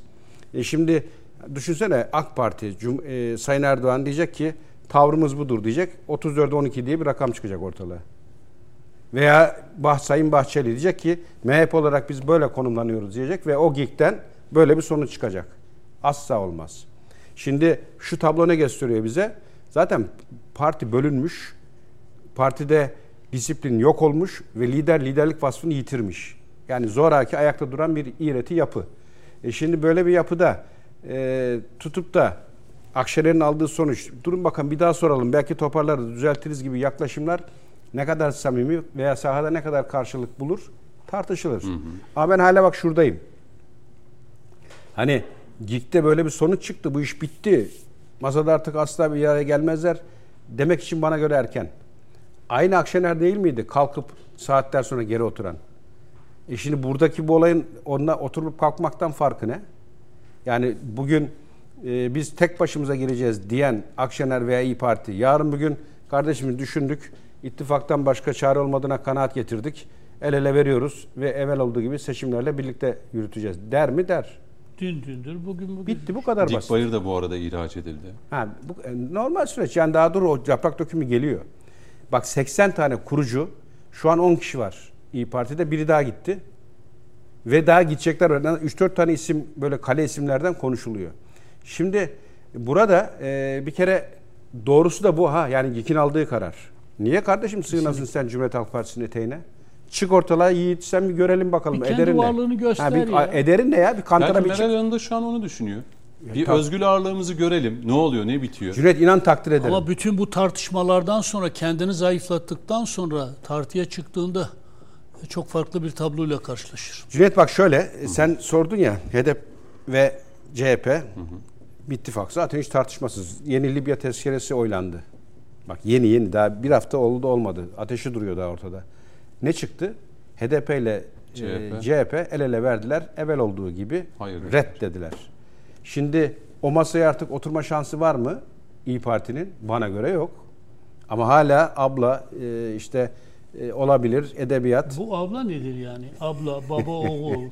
Abi kardeş. O, o da siyasete Abi yeni kardeş. kazandırıldı. Yani bu ne bu yani? Kemal Ben siyasette bu Kemal- cümleleri duyduğum zaman artık şey Kemal yapıyorum. Kılıçdaroğlu, Ekrem İmamoğlu baba, Baba oğul. oğuldu maşallah. Özgür Özel'le İmamoğlu abi kardeşler. Hep de kavga aile içinde. Bir Özel'le de nedense Meral Hanım da herkesin abla. ablası yani. Bu nasıl bir şey ya? Siyasette ablalık abi, abi kardeş hadi neyse de yani anlarsın bir şekilde de baba oğul nedir ya? Şimdi e, siyasette Yakında amca yiyen de çıkar. Cüneyt siyasette Yani. bak siyasetçi olmaya gerek yok. Şu anki oluşan siyasi tabloda ülkede dört işlemi bi- bilen şu sonucu rahatlıkla yakalar. Muhalefet kanadı tek başına logosuyla parti simgesiyle Giremez. girdiyen seçimi kazanma şansı asla yok. Ne genel ne yerel. Tek başına girmeye de cesaret edemez. Bakalım gelecekte davada e, kendi başlarına bir Evet. girsinler bir de onların cüsselerini görelim. Cumhurbaşkanımız 50 artı 1'de niye bu eleştiriyi getirdi? Bu dedi enteresan dedi ilişkiler doğuruyor. Dediği gibi Mehmet abinin DEVA ve Gelecekmiş. Yani adı bilinmeyen partiler de bir de demokrat mıydı? Demokrat Uysal. Parti, evet. Bir anda 3 vekil, 5 vekil, bakanlık makanlık. Bak nereden nereye geldi iş? Ha doğrusu ne? Kardeşim herkes kantara çıkar. Aldığı neyse, aldığı oranında da temsil hakkını kazanır. Bu kadar basit. Şimdi böyle bir aritmetikte CHP'nin HDP ile de birleşse kazanma şansı yok. Ve tek başına girerse hele hiçbirinin yok. O ufak partileri saymıyorum ha. Tabii AK Parti'nin ve da Cumhur İttifakımızın diğer değerli partisinin göstereceği adaylara bağlı. Mesela Adana, Mersin, Elbette. Evet, Zaten bu yerel seçim gösterilecek aday profili çok önemli. ben Sanki oraya doğru gidiyor değil mi? İstanbul, Ankara'da AK Parti'nin göstereceği aday profili çok Zaten önemli. Mehmet abi dediğin gibi e, bu seçim yerel seçimlerde adayın e, belirlenmesi yani seçimin kaderini belirler onu söyleyeyim. E, isim önemli. Çünkü CHP bu seçimde bakınız çok net bir şey söylüyorum. Özgür Özel'in de bu son şansıdır. İlk ve son şansıdır. CHP yerel seçimde beklediği başarıyı gösteremezse, söz gelimi İstanbul ve Ankara'yı kaybederse veya da başka yerleri kaybederse kesinlikle Özgür Özel orada duramaz yani. Yani siz Bir ona başka ikinci, üçüncü kongre seçimi bekliyor. görme şansı tanımıyor musunuz? Hayır, hayır. Valla Mehmet abi benim ta- şahsi tahminim, Onu orada oturtmazlar yani siz söyleyeyim. Benim şahsi tahminim ve duyduklarım e, İmamoğlu'yla seçime girecekleri girdiyen geçmiş olsun CHP adına. Hele bir de böyle ittifak çıkmazsa yani mümkün değil. İmamoğlu'na tepki diz boyu. Ben hani orada biraz siyaseti okuyan biri e, bu e, çok büyük risktir diye görür ama söylemler diz boyu. Özgür Özel'i arka planda destekleyen gerçek e, sahanın hakimi İmamoğlu. Onun e, desteğiyle bu iş bu noktaya geldi diye söylemler var. Orada bir minnet borcu, orada bir diyet var da gösterirlerse bana göre büyük kumar oynamış olurlar. Keza aynı denklem Yavaş için de geçerli. Ankara'da ciddi bir tepki var. Ve daha dün Ankara'daydım. Oradaki vatandaşla konuştuğumda ya nasıl aldıysa öyle duruyor hala dediler Mansur Yavaş için. Bir metre herhangi bir konuda ilerleme yok dediler. E şimdi bu vatandaşın tepkisi ki yerel seçim genele benzemez. Orada hizmet bekler vatandaş. O zaman muhalefetin yeni stratejisi ittifaksızlık. Şimdi bak hala Yani söylüyorum. ittifak varken de Hala söylüyorum bu olmayacak da. Yani keşke olsa ben de vatandaş olarak merak ediyorum ya. Örnek Babacan'ın hani atıp tutuyor ya bir kantardaki kilosu kaç? 3 mü 5 mi bir görelim. Merak ediyorum. Zafer Partisi. Hani bir yerlere koyuyorlar da kendini. Üç bakanlık, iş şuraya Sen Muharrem İnce ne yapacak? Ya, ben bir çıkın şöyle bir görelim ya. Yiğit meydanda öyle görülür. Şimdi hepsi genel seçimde el ele verdiler ve hepsi de sahiplendi. Buradaki dedi şu oyun dedi en az dedi şu kadarı benim. Peki ikinize de şu soruyu yönelsem ne cevap verirsiniz? Genel seçimleri hadi anladım. İttifaklar çünkü 50 artı 1 çok kıymetli. Yani Sayın Bahçeli'nin de belirttiği gibi yüksek oranda temsil kabiliyetini alabilmek için 50 artı 1. Değil mi? Bu sistemin olmazsa olmazı. Yerelde ittifak yani sonuçta burada projeler yarışacak.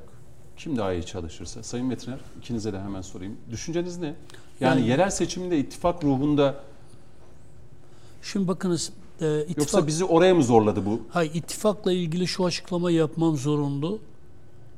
Yani kimse AK Parti ile MHP'nin ittifakını iki siyasal partinin siyasal paylaşım yapmak üzerine kurduğu bir ittifak olarak görmesin. Diğer masanın ittifak anlayışıyla Cumhur İttifakı birbirinden farklı. Dolayısıyla iki partinin ilkesel temelde birbirini desteklemesi. Üstelik Sayın Bahçeli'nin Sayın Erdoğan'dan, reisimizden hiçbir şey talep etmeden koşulsuz bir biçimde destek sunması ittifakın ötesinde bir şeydir bakınız. Dolayısıyla hep şey diyorlar, madem ittifaklara karşısınız niye o zaman MHP ile AK Parti birlikte giriyor? Hayır diyoruz ki Adana söz gelimi MHP, Mersin MHP atıyorum yani örnek veriyorum. İstanbul'da, e, Ankara'da vesaire AK Parti ve MHP tabanında destek veriyor.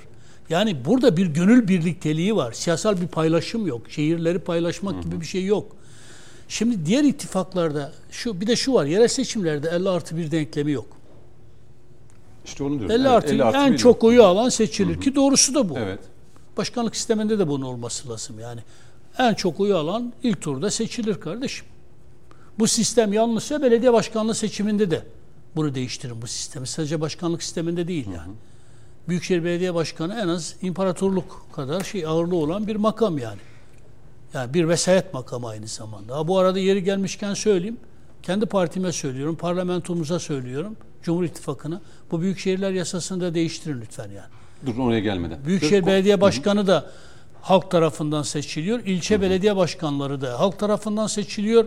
Ama Büyükşehir Belediye Başkanları diğer seçilenler üzerinden bir vesayet oluşturuyor. Bu vesayet rejimi olmaz. Yani bu çok yanlış bir sistem. Siz nasıl düşünüyorsunuz komutanım? Yani bu 50 artı bir hani genel seçimlerde, Cumhurbaşkanlığı seçiminde, parlamento seçimlerinde tamam bu oturacak. Öyle anlaşılıyor. Yani değişir mi O değişmez değişmeli mi? bana göre. Yani mi orada değişmez? Buna tenkidi doğru. elbette yine ülkeyi yönetenler, siyasi ve parlamento mutlaka karar verecektir ama yerel seçimlerde de e, aynı tabloyu göreceğiz. Öyle gözüküyor. Cüneyt şimdi yerel seçim dediğin gibi proje bazlı gitmeli. Yani ben belediye başkanıysam vatandaşa Sayın Metin'in de dediği gibi 50 artı 1 yok orada. En yüksek oy alan Elbette. projeleriyle. Ben Elbette. bazı yerlerde çıkan- projelerin önemsendiği kanaatinde değilim. Komutanım bağışla. estağfurullah. Ee, İzmir'de İzmir'i cennet yapacağını bilse farklı. Bodrum'da kimse projeye bakmıyor yani. Diyarbakır'da HDP hangi hizmeti yapmış ki yani? Evet. Evet Siirt'te, At- Siirt'te veya Bazı yerler Van'da, ideolojik, ideolojik. Doğru. Onun için dolayısıyla ben çok böyle hizmet odaklı bir belediyecilik anlayışının bazı şehirlerde sökeceği kanaatinde değilim. Katılıyorum. Yani Katılıyorum. ama Komutanım. e, İnşallah kıracağız olması o. gereken nedir? Tabii ki projelerin yarışmasıdır. Evet. Ama e, bu her yerde geçerli değil. İnşallah e, o da kırılacak. Çünkü mesela İzmir'den örnek verdim Mehmet abi. Ben de orada yaşayan biri olarak şunu ifade edeyim. E, gerçekten çok büyük tepki var. Bak Ankara'ya bir tablo çizdik. Bunu Ankaralı söylüyor ben değil. Bir metre diyor ilerleme yok. Aldığı gibi duruyor Ankara diyor.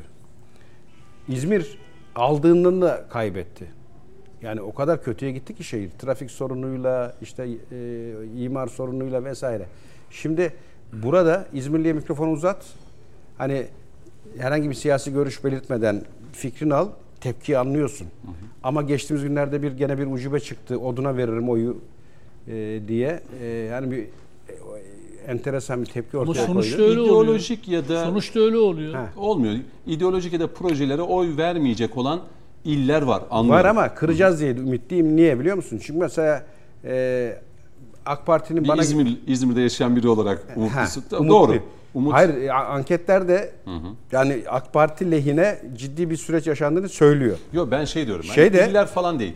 Bu ittifak yani yerellerde de yerel seçimlerde de ittifakın kurulması doğru buluyor musunuz yoksa Şöyle e, hani ittifak kurulduğu an iş ideolojiye dönüşüyor. Ama orada doğru olan adayın kendini projesiyle ve temsil ettiği partiyle anlatması.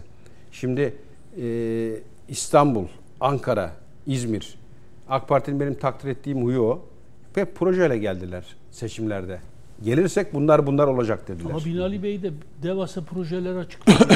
İzmir için açıkladığı proje Üstelik var ya. Binali Bey de çok saygın bir insan. Çok güzel projelerin altına imza atmış bir insan ve gerçekten İstanbul'da belediye başkanı olsaydı İstanbul'un kaderini değiştirirdi. Ne oldu? İzmir'e adaylığını koydu. Yani. Ee, 35 dev proje diye geldi plakayla orantılı. Ve bir tanesi Boğaz Köprüsü'ydü. Yani Nihat Zeybekçi'nin açıkladığı projeleri ben izledim. Yani Nihat kardeşimizin yani Nihat o Zeybekçi konuda belediye sen başkanı olsaydı. İzmir uçardı bugün ya. O konuda sen haklısın. Yok. İzmirli inşallah şu an o muhasebeyi yapıyordur. Kulağıma geliyor. Yani e, şunu yap kardeşim ya. E, ben hani İzmirli olarak tenkitim buna Cüneyt. Bir kere ver. Gene al ya. Madem bu kadar diyorsun. kindarsın. bir dene bir gör Bak bir dene. Gene al Parti bu kadar. Ya madem bu kadar kim var, kindarsın. Madem bu kadar hani bir e, pencereden bakıyorsun. Bir ver. Şehir ayağa kalksın. Gene al. Alamayacak. O biliyor. Siz İzmirli olarak verecek misiniz? Kime? AK İzmir'de Parti'ye mi? yaşayan birisi olarak Ben sorayım. oduncu değilim. Ben kim projeyle gelirse ona veririm. AK Parti Bizim projeyle bizim geliyor. sorunumuz şu. Küçük çekmece bizdeydi, Evet. CHP'de. aldılar. Esenyurt bizdeydi, aldılar. Beylikdüzü bizdeydi, bizden aldılar. Sarıyer bizdeydi bir dönem, aldılar. CHP'nin bizden aldığı belediyeleri bir daha alma şansımız niye yok kardeşim? Onlar çok başarılı hizmetler yaptığı için mi? Bak bunu öyle öyle yükseliyoruz, geldik gidiyoruz. Bunu söylemek seçim zaman hep bir söylüyoruz zaten. Peki niye aldılar o belediyeleri? Muhasebemizi yapacağız kardeşim. Çünkü Ya niye oldu biliyor musun? Dedik ki ya kardeşim şu değil bu ya. Ha, yanlış aday. Ya bu bak Doğru aday ya da. ya adaylar çok önemli. Şimdi biz buralarda işte altta da öyle. Geliyoruz o tamam geliyoruz tamam anlatalım birbirimize gaz verelim. Kimi gösterirsek seçilir. Yok kardeşim kimi göstersen seçilmiyor ya. Seçilmeyecek de size söyleyeyim. Onun için ben genel merkezimden ha kimi adayı gösterirlerse herkesten daha fazla da çalışırım yani. Ben geçen seçimlerde Karabağlar'da hiç kimsenin girmediği evlere girmiş bir insanım. Teşkilatım beni dinliyor şu an. Hiç kimsenin günlerce hiçbir Allah'ın kulunun girmediği, HDP'ye teslim ettiği o yerlerde çalıştım. 13 puana yakın puan da arttırdık hep birlikte Ankara'da da teşkilatımızla gördüm birlikte. sizi, ama gördüm, evet. ama ya sahayı doğru okumak lazım. Ya Doğru, böyle doğru. genel Peki, merkeze gidip de sorsam şunu da desem- göster. Bir de deprem bölgesiyle ilgili bir ricam var. Bakınız orada insanlar depremde de yanında gördüğü insanları halkla ilişkileri çok iyi olan insanları ve gerçekten siyaseten güçlü olan insanları artık başlarında görmek istiyor. Yaralarını sarabilecek, Ankara'daki bürokrasiyi gerektiğinde iline getirebilecek ve hizmetleri ivedelikle yapabilecek güçlü siyasi aktörlerin belediye başkanı seçilmesini rica ediyorum. Rica ediyorum. Peki. Aksi takdirde, aksi takdirde bakınız eee Aksi takdirde olmaz da ama re- reisimizden, genel merkezimizden rica ediyorum. Dostlar alışverişte görsün. Bana yakın, şuna uzak. Bu gelirse beni dinlemez. Hayır kardeşim. Yani halkın sevdiği, halkın benimsediği, başarısı olan, başarısını ortaya koyabilecek güçlü adaylar lazım. İnanınız ki aksi takdirde gerçekten yerel seçimlerdeki alacağımız bir sonuç tekrar bizi siyasi bir kaosa götürür. Ya. Özgür Özel beklenenin üstünde oy alırsa, tekrar eski İkinize de mevzilerini sorsam, korursa yani şu gidişat- e, çok farklı bir siyasi gidişat tablo ortaya çıkar. Yerelde kimi şu anda önde gösteriyor komutanım? Avantajlı gösteriyor. Tartışmalara bakalım, parti içi yaşananlara baktığımızda, ittifakları içerisinde yaşananlara baktığımızda Cüneyt, şimdi Mehmet abinin söylediği çok önemli bir konu. Ee, burada ben hani e, aday değilim. E, bir beklentim de yok ama e, şu gerçeği ben de görüyorum. Yaptığımız Ya ben de aday değilim. Heh, işte aynı şeye Siyaseti geleceğiz. de e, aktif siyasette de üç talakla boşamış bir insanım. Şimdi e, Mehmet abinin dediği şikayeti ben çok duydum. Yani doğru aday bu derip de bir başkasıyla girildiği için kaybedilen birçok belde var. Hani dedin ya özelleştirmiyorlar mı diye. Aslında Sayın Erdoğan ben çok iyi biliyorum seçime yaklaştıkça sürekli o genel merkezde gecelerini geçirdiğini. Orada işte doğru yönlendirilirse hani e, bir takım e, ilişkiler ortaya çıkmadan gerçek olan neyse bu tablo sunulursa kazanılır. Aday çok önemli. Yani çıkan isimler var. Sayın Murat Kurum'un ismi mesela çok konuşuluyor Ankara, İstanbul'da. Şimdi sen böyle kuvvetli bir adayla çıktığın takdirde karşı ittifak da yapsa şansı Mesela yok. Tevfik Göksu. Tevfik Bence- Başkan. Yani başarısını kanıt. Ben- Bir sürü insan. Sırf Tevfik'ten Heh. bahsetmek için söylemedim. Yani emin olun size şunu söyleyeyim. Bak bütün iştenliğimle söylüyorum. Hiç kimse adına Murat Kurum'u çok severim yani. Yani her göreve layıktır. Ali Yerlikaya, İşler Bakanımız, Tevfik Göksu kardeşimizi ben neredeyse ilk gençlik yıllarından beri tanırım. Yani öğrenciliğinden. Bu davadaki en yiğitlerimizden biridir. Başarısını kanıtlamış. Başka kardeşlerimiz de var. Belediye, ilçe belediye başkanları. Bakınız bir şeye ben kendim şahit oldum. Reisim. Tayyip Erdoğan ismi İstanbul için geçtiğinde o zaman Ali Coşkun'un ismi çok da ağırlıklı bir isimdi. Genel merkez illa Ali Coşkun olsun istiyordu. Çünkü Tayyip Erdoğan'ın yükselişinden de duyulan bir rahatsızlık vardı. Göstermediler. Teşkilatın baskısıyla Tayyip Erdoğan adaya gösterildi. Çünkü diyorlardı ki Tayyip Erdoğan'ı kimse tanımıyor, etmiyor, bilmiyor. Ali Coşkun işte eski bakanlık vesaire falan. Ama Tayyip Erdoğan seçildi. Dolayısıyla yani çok tanınmış olmak, çok şöhretli bir isim Çok olmak. çıkmaktansa Sayın Metin'in dediği gibi Yani sokak çok sokak, ev bir- ev, hane hane gezip insanlara dokunmak çok çok önemli. Şöyle yapalım yavaş yavaş sonlara giderken e, artık koca bir yılı geride bırakıyoruz Sayın Metin Er, Sayın Coşkun Başbuğ. E, ve Bir Aralık ayı geldiği zaman genelde en çok konuşulan mesele de ülkemizde asgari ücret. Asgari ücretle alakalı yine rakamlar telaffuz ediliyor. Tabii önümüzdeki yıl tek mi olacak, iki mi olacak? Hani hep Ocak, Temmuz diye gidiyorduk son iki yıldır. Orada da gene Cumhurbaşkanı'nın dediği Evet, doğru. yani Sayın Cumhurbaşkanı da bugünkü kabine toplantısı sonrasında şunu söyledi. 2024 Haziran itibariyle e, ekonomide yaşanan gelişmelere dair her şeyin yerine oturacağını, Haziran'dan sonrasında da İnşallah. e, enflasyonu artık geriye çekeceğini, bir müddet daha enflasyonun bu şekilde gideceğini de açık açık söylüyor. Yani Sayın Cumhurbaşkanı diyor ki e, dönemsel olarak bu biraz daha gidecek. Sonrasında Haziran sonrasında bu düşüşe geçecek. Tabii biz yine gelip dolaşıp asgari ücrete kitleniyoruz. Komutanım ne diyorsunuz asgari ücretle alakalı? Ya şöyle şimdi Cumhurbaşkanımızın e, sözü ne? Vatandaşı enflasyonu ezdirmeyeceğiz. Bunu bugüne kadar tuttu mu? Tuttu. Şimdi enflasyon rakamlarına baktığın takdirde işte 11.400 e, yaklaşık 16-17'lere yakın beklenen bir zam var. Yani asgari ücret buralara gelir düşük. Yani yeni işe başlayacak vasıfsız biri 16-17 bin lira arası. Şimdi beklenti Yeni bu. başlayacak Ha, için. beklenti bu, rakam bu. Ama mesela şu iki dönem zam konusunu getirdi ya gündeme. Ben Cumhurbaşkanı geçtiğimiz günlerde bir dinledim e, dikkatle. Yanlışım varsa lütfen düzelt. E, şu sözünü hatırlıyorum. E, tek bir defa olmak kaydıyla eski düzene devam şeklinde bir görüş beyan etti. Bence doğru olan bu. Niye biliyor musun?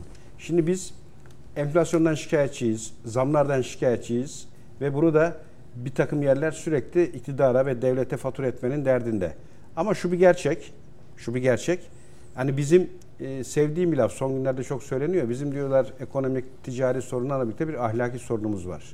Yani elinde kalem, etiket, rakamın açıklanmasını bekleyen maalesef İzmir İstanbul arasında çok gidip geliyorsunuz komutanım. İzmir'de nasıl fiyatlar? Çarşı pazar hani böyle bilmiyorum hani çok çarşı pazara giriyor musunuz yoksa yenge mi giriyor? Şöyle çarşı bak- Eve gitmeye vakit bulamıyor ki haftanın 7 günü. Hayır benim sorduğum soru da evet, çarşı 7 pazara. günü ekranlarda Coşkun zaten. Başbuğ, çarşı pazara giriyor musunuz? estağfurullah pek giremedik ama Yenge evde görebiliyor mu kendisini? Bir onu sor bakayım. Ee, hanımefendi o zaman hemen eğer izliyorsa bir mesaj atsın bilelim.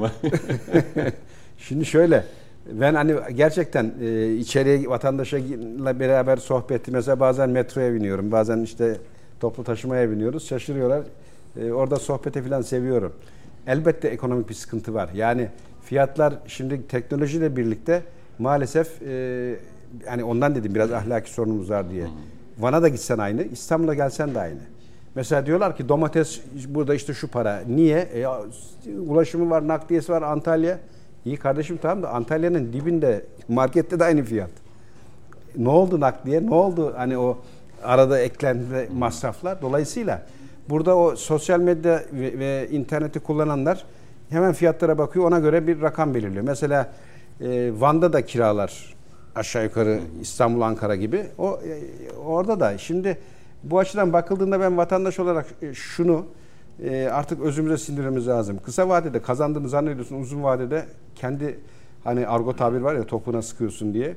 Ben onu hep dillendirdim o pandemi döneminde de. Ya yapmayın kardeşim yani zam mı gören daha e, zam o memurun veya işte işçinin cebine girmeden hemen etiketlere yansıtıyor. Kardeşim sen burada kazandın zannediyorsun uzun vadede herkes etkileniyor bu artıştan hı hı. ve ülkece kaybediyoruz.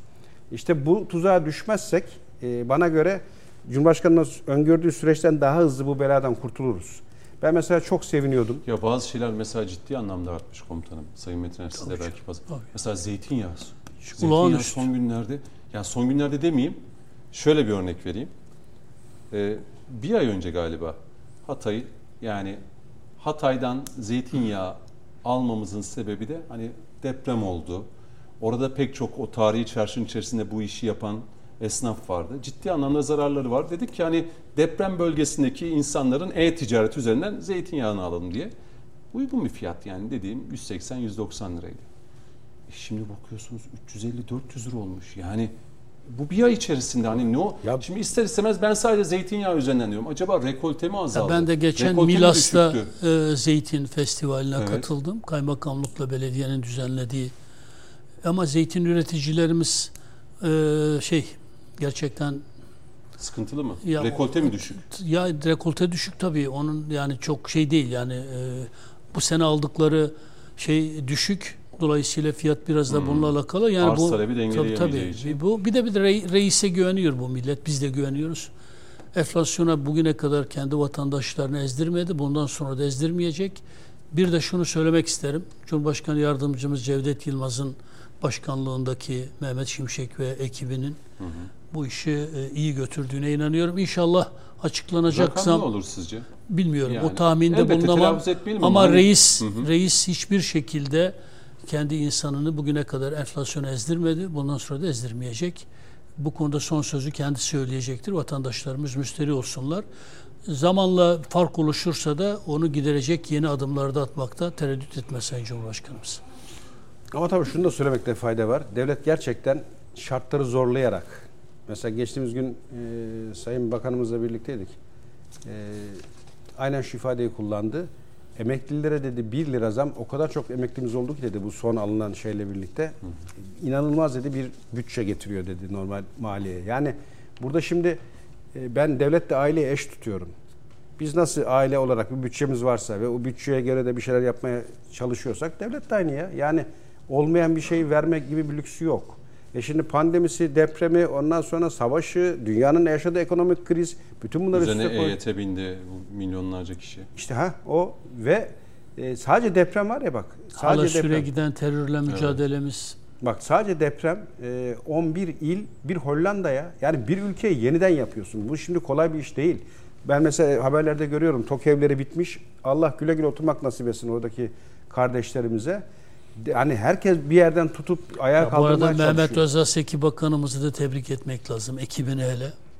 Ya ben Mehmet Özaseki gece gündüz çalışıyor yani. Gerçekten evet, ekibiyle son... beraber e, bugüne kadar doğru düz makamında oturduğuna e, tanıklık etmedim. Ne zaman arasam bir yerde her ilde ve bir an önce bu yaraları sarmaya çalışıyor. Bazı bakanlıklar var bence Sayın Metin. Bütün bakanlarımız öyle ama koltukta o, hani tabii. durmaması lazım. Mesela Ali Yerlikaya hani Bakanımız sürekli evet. Yani bugün de geldim. Hakikaten müthiş bir millete teveccüh var.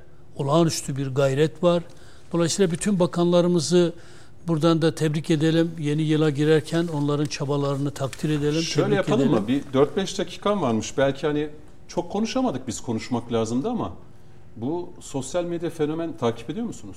Sayın Metiner. Ben fenomen, fenomen sosyal medya çok bildiğim şeyler Hayır, değil. Dün Sayın Hiç Bakan'ın bilmiyorum. açıklamaları vardı işte bu fenomenlere yönelik e, işte kara ya bir insan niye fenomendir onu da anlamıyorum. Yani niye sosyal medya fenomeni nedir bir cehaletim hoşgör teknoloji özürlüyüm. Tamam. Çok ben sosyal siyaset, medyayı da siz, takip size etmiyorum. karşı siyasetin dışına çıkmayacağım. Evet ben şey bilmiyorum. ama komutanım iyi takip ediyor oraları. Şöyle yok ben de Mehmet abi gibi hani Hı-hı. teknoloji yakalamaya çalışıyoruz da kulaktan normal duyduklarım.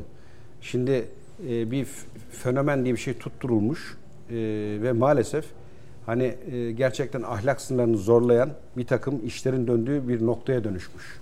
Şimdi burada para aklanır, para e, cambazlığı, yolsuzluk, usulsüzlük olabilir ama ben işin şu tarafındayım. E, sosyal medya üzerinden aile yapısı çökertiliyor. Ciddi hasar alıyoruz. Ve ben hep söylüyorum yani yeni nesil şuna hapsolmuş durumda. Dünyası bu.